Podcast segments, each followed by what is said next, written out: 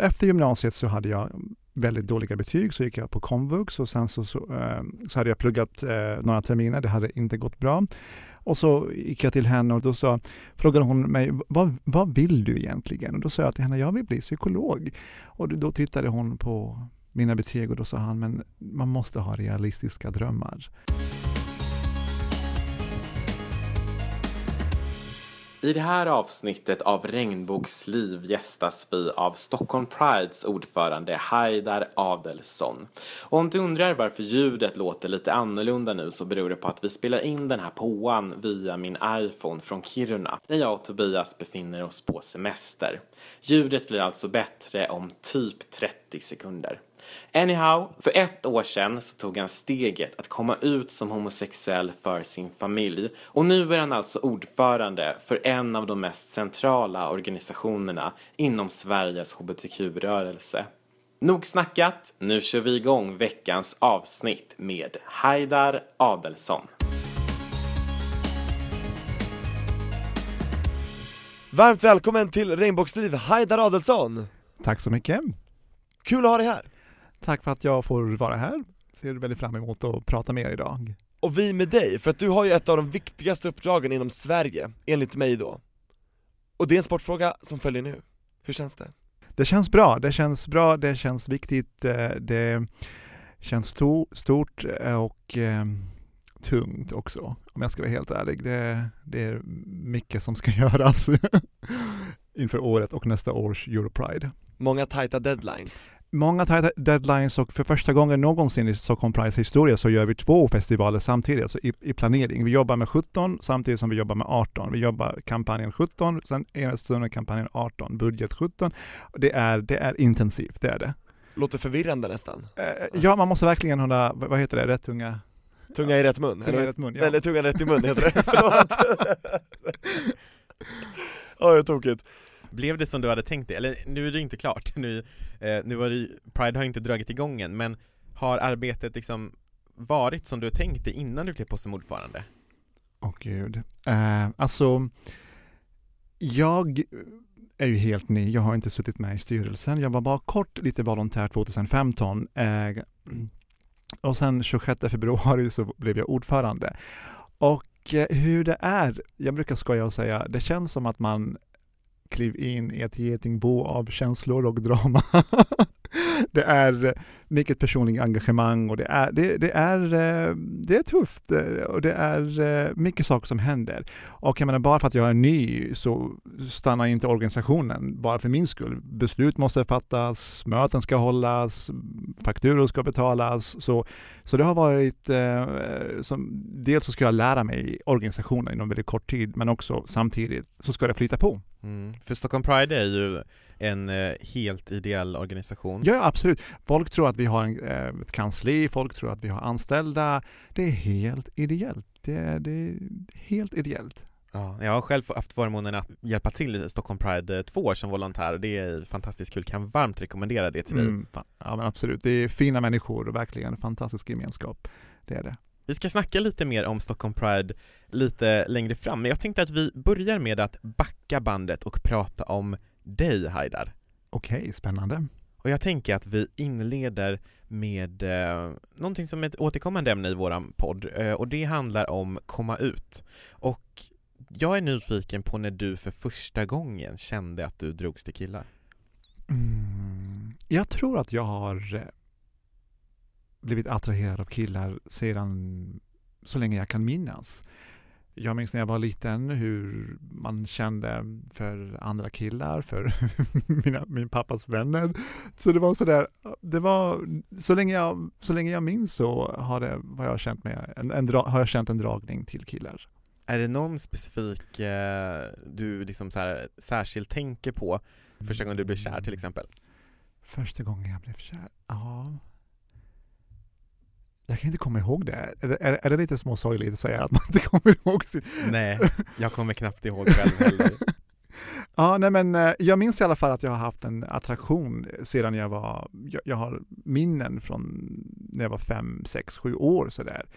Scener eh, ja, i, i, som utspelar sig i, i, i huvudet. Där jag kände, gud vilken, eh, ja, det var någon attraktion, men på den tiden visste man inte vad det var. Man, man visste inte vad sex var. Jag, jag måste bara säga, jag är en sån där village idiot. Det, det, jag var inte förrän 13, 14, vilket i min, jag tycker det är ganska sent, som jag förstått hur barn blev till. Så det var verkligen, ja, det, det, jag är en väldigt late bloomer på, eh, på eh, många fronter där. Ja. Vilken stad är du uppvuxen i, jag fråga det? Ja, alltså ja, vi är från Jönköping och sen så flyttade vi till Stockholm. Men jag är född, mina föräldrar är från Irak, de blev utvisade till Iran, i Iran, Teheran, huvudstaden, där föddes jag och sen så på slutet av 80-talet så flyttade vi till Sverige. Så de är alltså från Bagdad? Ja. Och via Teheran till Sverige? Till Sverige. Och det var, när då, 80-talet? Ah, 89, 88 där så började vi vår lilla vandring. lilla vandring. Och den, den slutade ju lyckligt, ni hamnade här och ja. Just det. Precis. Och då tänkte jag, på tal om det du sa när du började liksom känna instinkter, du visste ju inte, du var, det var inga lustar, men det var Mm. instinkter. Mm. När agerade du för första gången på lusten och oh, dragningen? What a question Tobias! Nu går vi, dive into you! Vilken, är det veckans fräckis? Vi oh värmer upp Haidar, vi värmer upp uh, Nej men, uh, jag är också ganska late bloomer på den fysiska um, arenan, alltså jag tror jag var typ, uh, ja, över 20 åtminstone. Ja, men sen, sen så, sen så har det gått bra.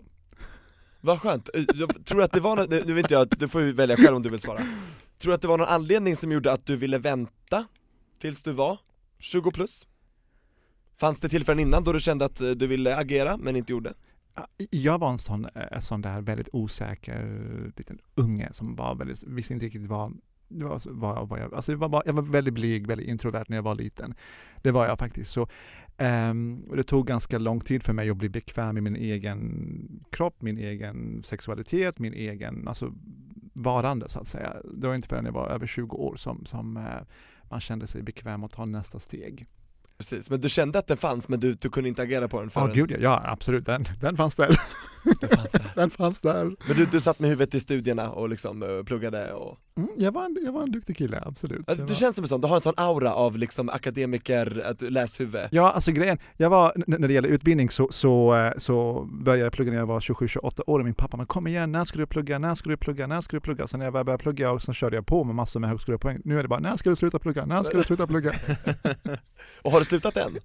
Nej men, jag tycker det är så kul för att det här är, när jag, när jag, från gymnasiet så hade jag, eh, jag var sjuk sista året eh, och då hade jag katastrofala betyg. Jag hade så låga betyg att jag inte ens fick ett, sam, eh, ett slutbetyg. Jag hade samlat betygsdokument. Så, så, så jag fick plugga upp betyget till, från ingenting till rakt igenom MVG.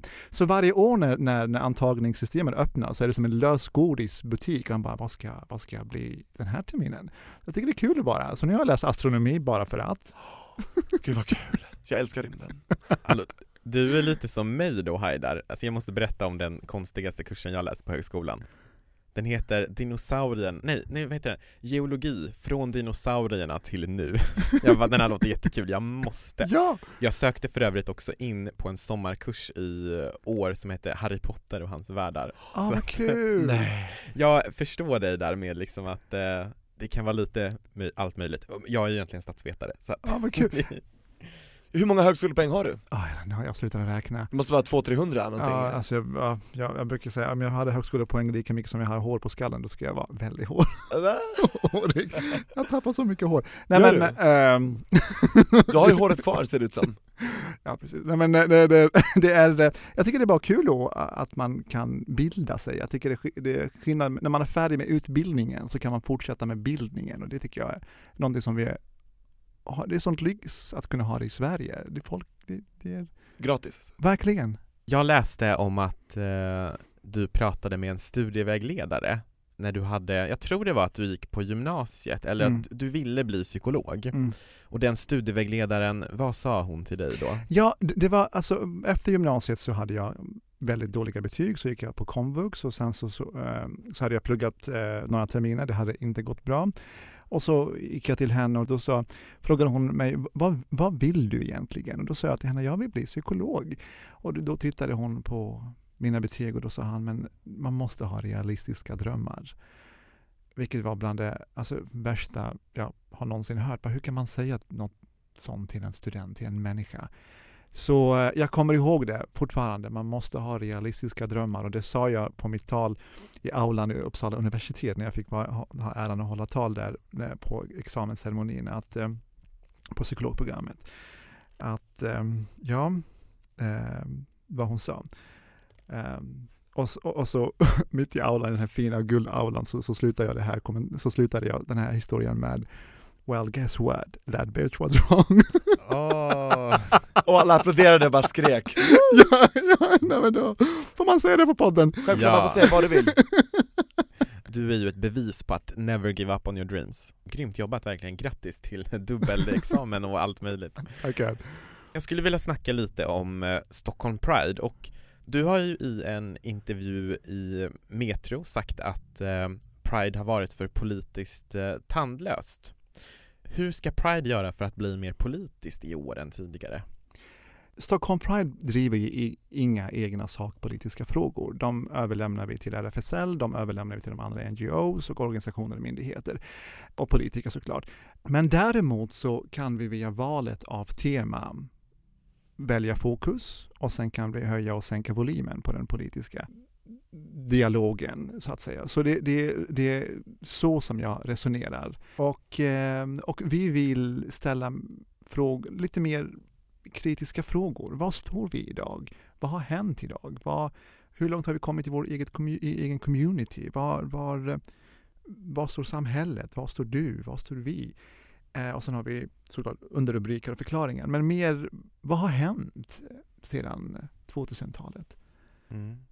Så man kan säga att Stockholm Pride är, en, är ett forum mm. och sedan så sätter då eh, organisationerna utanför och intresseorganisationer, politiker och så vidare mm. innehållet i Precis, ja. och, eh, som sagt, och, och styrelsen har ju möjligheten att på något sätt fokusera det här, göra ramverket. Det här året vill vi diskutera det här, det här året vill vi diskutera det här breda ämnet så att vi, vi kan ju lyfta olika, de, olika delar av frågeställningarna varje år.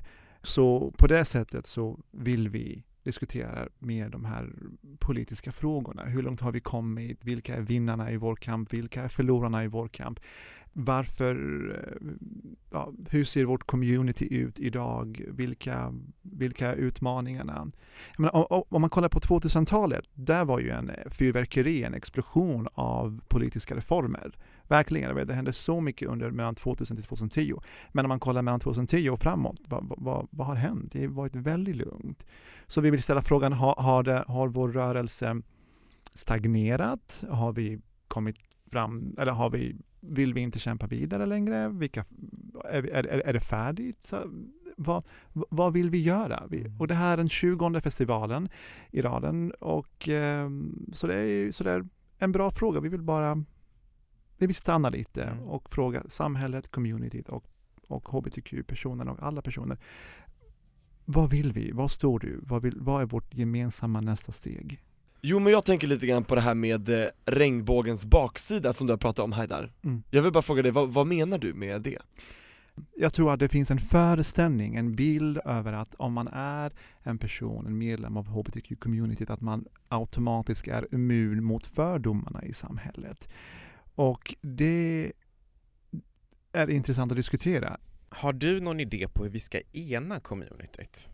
Jag tror en bra, ett, ett bra start är att diskutera vilka som är vinnarna och vilka som är förlorarna i vår community. Att säga att, att medge eller, eller förklara att alla har inte kommit lika långt så att vi har en mer ödmjuk approach mellan varandra. Det tror jag är en väldigt bra start. Um, och sen så tror jag att det finns en föreställning att det är bara en viss grupp som håller i megafonen. Jag är ganska ny i hbtq-branschen, så jag kan inte uttala mig hur det har varit tidigare. Men, men min upplevelse är att alla kan uttala sig i den här fina hbtq-megafonen idag. Och eh, den här reflexiva oppositionen som väcks mot vissa som vill väcka en del, eh, vissa frågor eller diskutera vissa frågor, vet, kanske inte alltid är eh, kanske inte behövs egentligen, för alla har idag möjligheten att kunna uttrycka, uttrycka sig.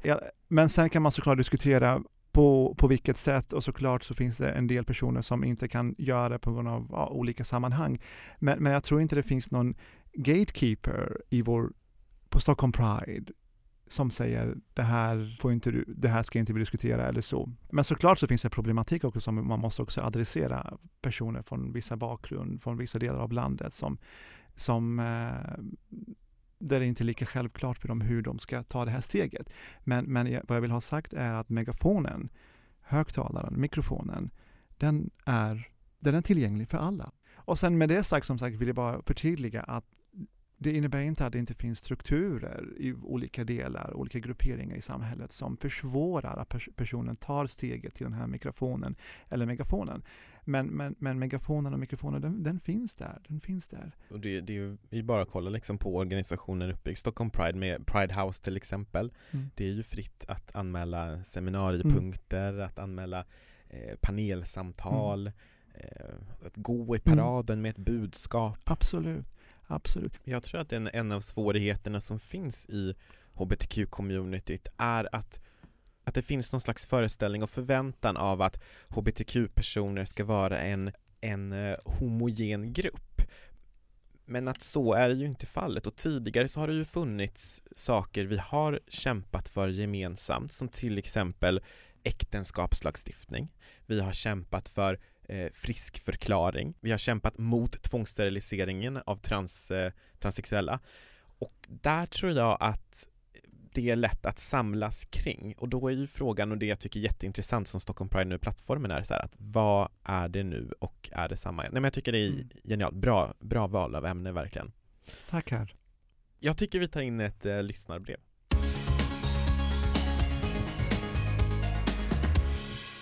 Hej regnbågsliv med gäst. Jag är en kille på 18 år och jag vill gå på Stockholm Pride för första gången. Problemet är att eh, min familj aldrig skulle acceptera mig som eh, homosexuell. Kan jag delta anonymt? Vad ska jag i så fall gå på för någonting? Jag har inga vänner som är homosexuella så jag kommer i så fall att åka själv. Jag vill till exempel inte hamna på bilder eller liknande. Tacksam för svar. Ja, först och främst tack för ditt brev och vad bra att vi har med Stockholm Prides ordförande Haidar Adelsson här som kan hjälpa oss att besvara det. Verkligen. Om du vill inleda Haidar, vad tycker du den här killen ska göra på Stockholm Pride? Vad kul, men eh, han är hjärtligt välkommen till Stockholm Pride och festivalen. Vi har som policy att alla ska få vara precis som de är i, vår, i våra arenor till exempel parken, där det, vi har ju grindar runt omkring. Eh, man måste ha biljett för att komma in. Det är som en liten fristad, Sto eh, Stockholm Pride, Pride Park. Eh, och eh, till exempel House, där har vi tydliga regler vad gäller fotografering. Eh, att, eh, att, ing, att om man tar en bild på scenen så ska det vara bakifrån, att man inte ser vem, vem, vem som sitter i, i publiken. Så, eh, och, och, vi har också en policy att vi frågar inte det, om ens läggning eller kön eller så, vare sig volontärer eller, vem, eller, eller besökare. Så, och eh, alla ska känna sig välkomna vad gäller sig om det är någon läggning, könsidentitet eller någon funktionsnedsättning. Alla ska vara välkomna till eh, Stockholm Pride. Hoppas att eh, vi ses i augusti. Ja det där var väldigt bra svar tycker jag, det känns ju mm. betryggande. Hade jag varit den personen så hade jag känt, ja ah, men okej, det finns en tanke bakom, det är medvetenhet på hög nivå Absolut. kring det här. Absolut. Och folk som bryter mot det här då? Då är det hej då, gå ut från området. Eller? Ja men absolut, vi har ju väktare, vi har ju eh, alltså personer som, som jobbar med säkerheten och vi har ju hur många volontärer som helst som man kan kontakta om man känner sig obekväm så, så eh, kan vi försöka hjälpa den personen. Jag håller helt och hållet med dig där Heide, jag tycker det är jättebra svar. Jag skulle också vilja säga till den här personen att eh, eh, ta det liksom i din takt. Ja. Om du kanske är osäker om du vill vågar gå in på området, för jag förstår att det kan vara ett stort steg för många. Mm. Åk dit, ta en promenad runt och så kanske du mm. ser, känn in stämningen. Ja. Vågar du inte gå in på Pride House, ja men gå utanför och kanske kan du sätta dig på en bänk och ja. kolla på människorna som går förbi och liksom så här.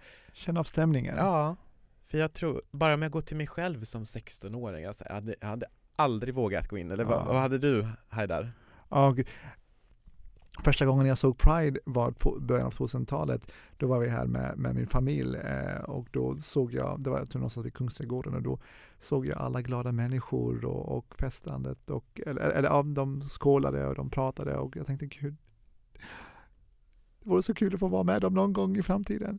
Eh, men jag håller med, det, det är ehm, man ska känna sig bekväm. Eh, vi jobbar väldigt mycket på att det ska vara en fin, vänlig, varm stämning i våra arenor, vare sig det gäller house eller park. Ehm, och samma sak i parader. Paraden är lite svårare att kontrollera, men där har vi också flera hundra volontärer som jobbar där. Eh, så så vår ambition att alla ska känna sig välkomna. Vår ambition att ingen ska behöva känna sig ifrågasatt. Vår ambition är att eh, kom som du är, klädd som du är. Och det enda vi, vi kräver är att du respekterar alla andra gäster. Det är typ det enda.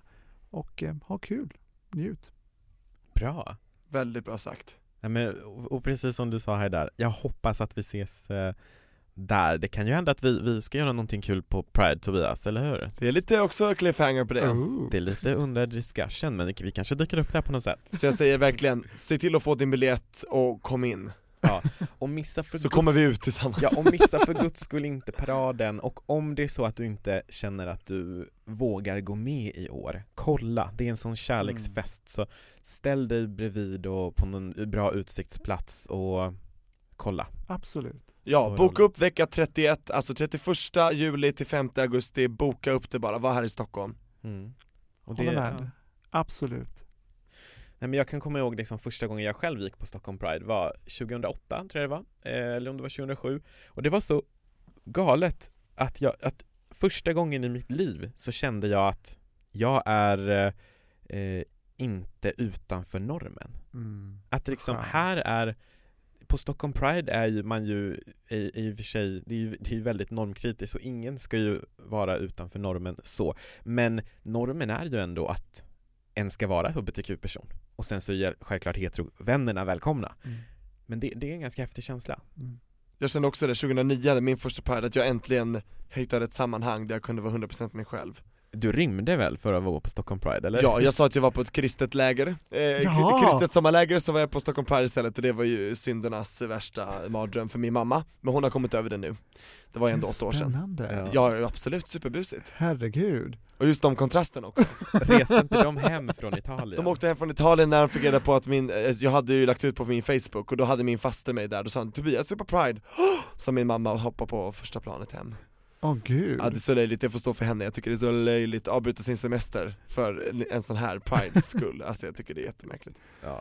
Men förlåt att jag ljög, men jag hade ju aldrig fått åka annars om jag inte sa Ja. att jag, Hade du kul? jag hade jättekul! Ja, Oj vad jag hade kul, första gången i mitt liv jag hade roligt Typ Om vi ska försöka Pride-tipsa nu om någonting man verkligen inte får missa under veckan Utöver paraden, vad... Och det här, nu kanske du kan prata som privatperson och inte Ja, ordförandeperspektiv alltså det, vi har ju House som är fantastiskt intressant, så det tycker jag, någon föreläsning borde man gå på.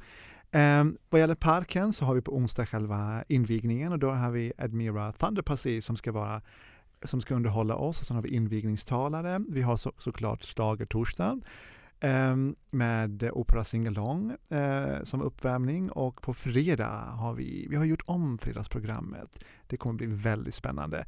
Det kommer bli en rockfylld kväll med en långhårig pianist som vet hur det ska låta. Vem det Ah. blir får ni Robert Wells tror jag, Ja, säger det väl. kan det vara lite Kan det? Rhapsody in Rock? jajamän Det var kul att du tog upp schlagertorsdagen här där, för det är verkligen min favorit på Prideveckan Mm. En av mina höjdpunkter, absolut Alltså det är så bra, och det Kul. brukar vara välbesökt Ja, och bra artister också, det är riktiga Ja. schlagerdivor kommer dit Absolut. Och andra diver Ja, Ja. alla, alla ska med. Men kan vi bara få ha lite schlagermys? Kom igen. Ja, Vad kul! Ja men Ja. det är så roligt. Nej men fantastiskt kul att du eh, har besökt oss här idag Haidar. Tack snälla, tack Anton och Tobias, verkligen. Är det någonting som vi inte har frågat som vi borde ha pratat om idag? Och något vi har frågat som vi inte borde ha pratat om. Nej. Nej. Ja, nej men jag tror att vi, ja, vi fick med det mesta. Alltså det, det är så mycket man kan prata om, jag vet inte hur lång tid har vi på oss? Ja. Så mycket tid du vill. Vi bara kör på. Regnbågspodden, tio delar bara, Stockholm Pride. Regnbågsliv. Jag har en viktig fråga till att ställa dig, Ja, nästan den viktigaste. Vem tycker du ska vara med i regnbågsliv? som psykolog brukar jag säga att vår största förbannelse och välsignelse är förmågan att glömma. Och det känns ibland som att vi glömmer vår väg hit. Och jag tänkte föreslå en gäst som, är, eh, som har skrivit böcker, gjort program, tv-program, eh, som skulle vara perfekt och berätta om vår väg hit. Eh, så jag skulle vilja föreslå Jonas Gardell. Drömgäst. Ja, bra. Jonas, kom hit nu. Känner du Jonas? Ja, nej men absolut. Jag har, ja, ja, jag har träffat honom. Jag har druckit vin hemma hos honom. Och han och Mark?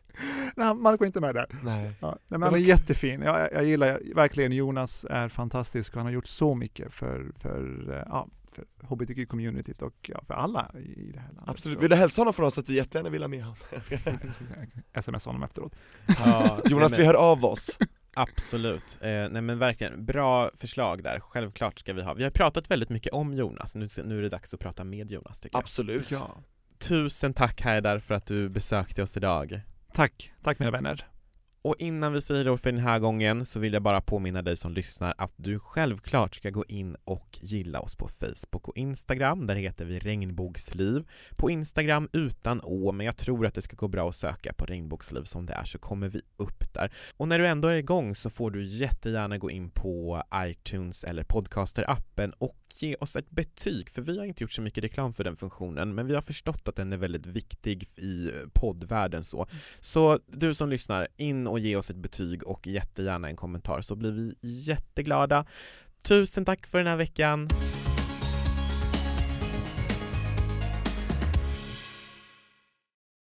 you poddtips från Podplay.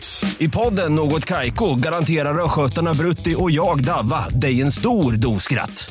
Där följer jag pladask för köttätandet igen. Man är lite som en jävla vampyr. Man har fått lite blodsmak och då måste man ha mer. Udda spaningar, fängslande anekdoter och en och annan arg rant. Jag måste ha mitt kaffe på morgonen för annars är jag ingen trevlig människa. Då är du ingen trevlig människa, punkt. Något Kaiko, hör du på Podplay. Därför är gardinerna.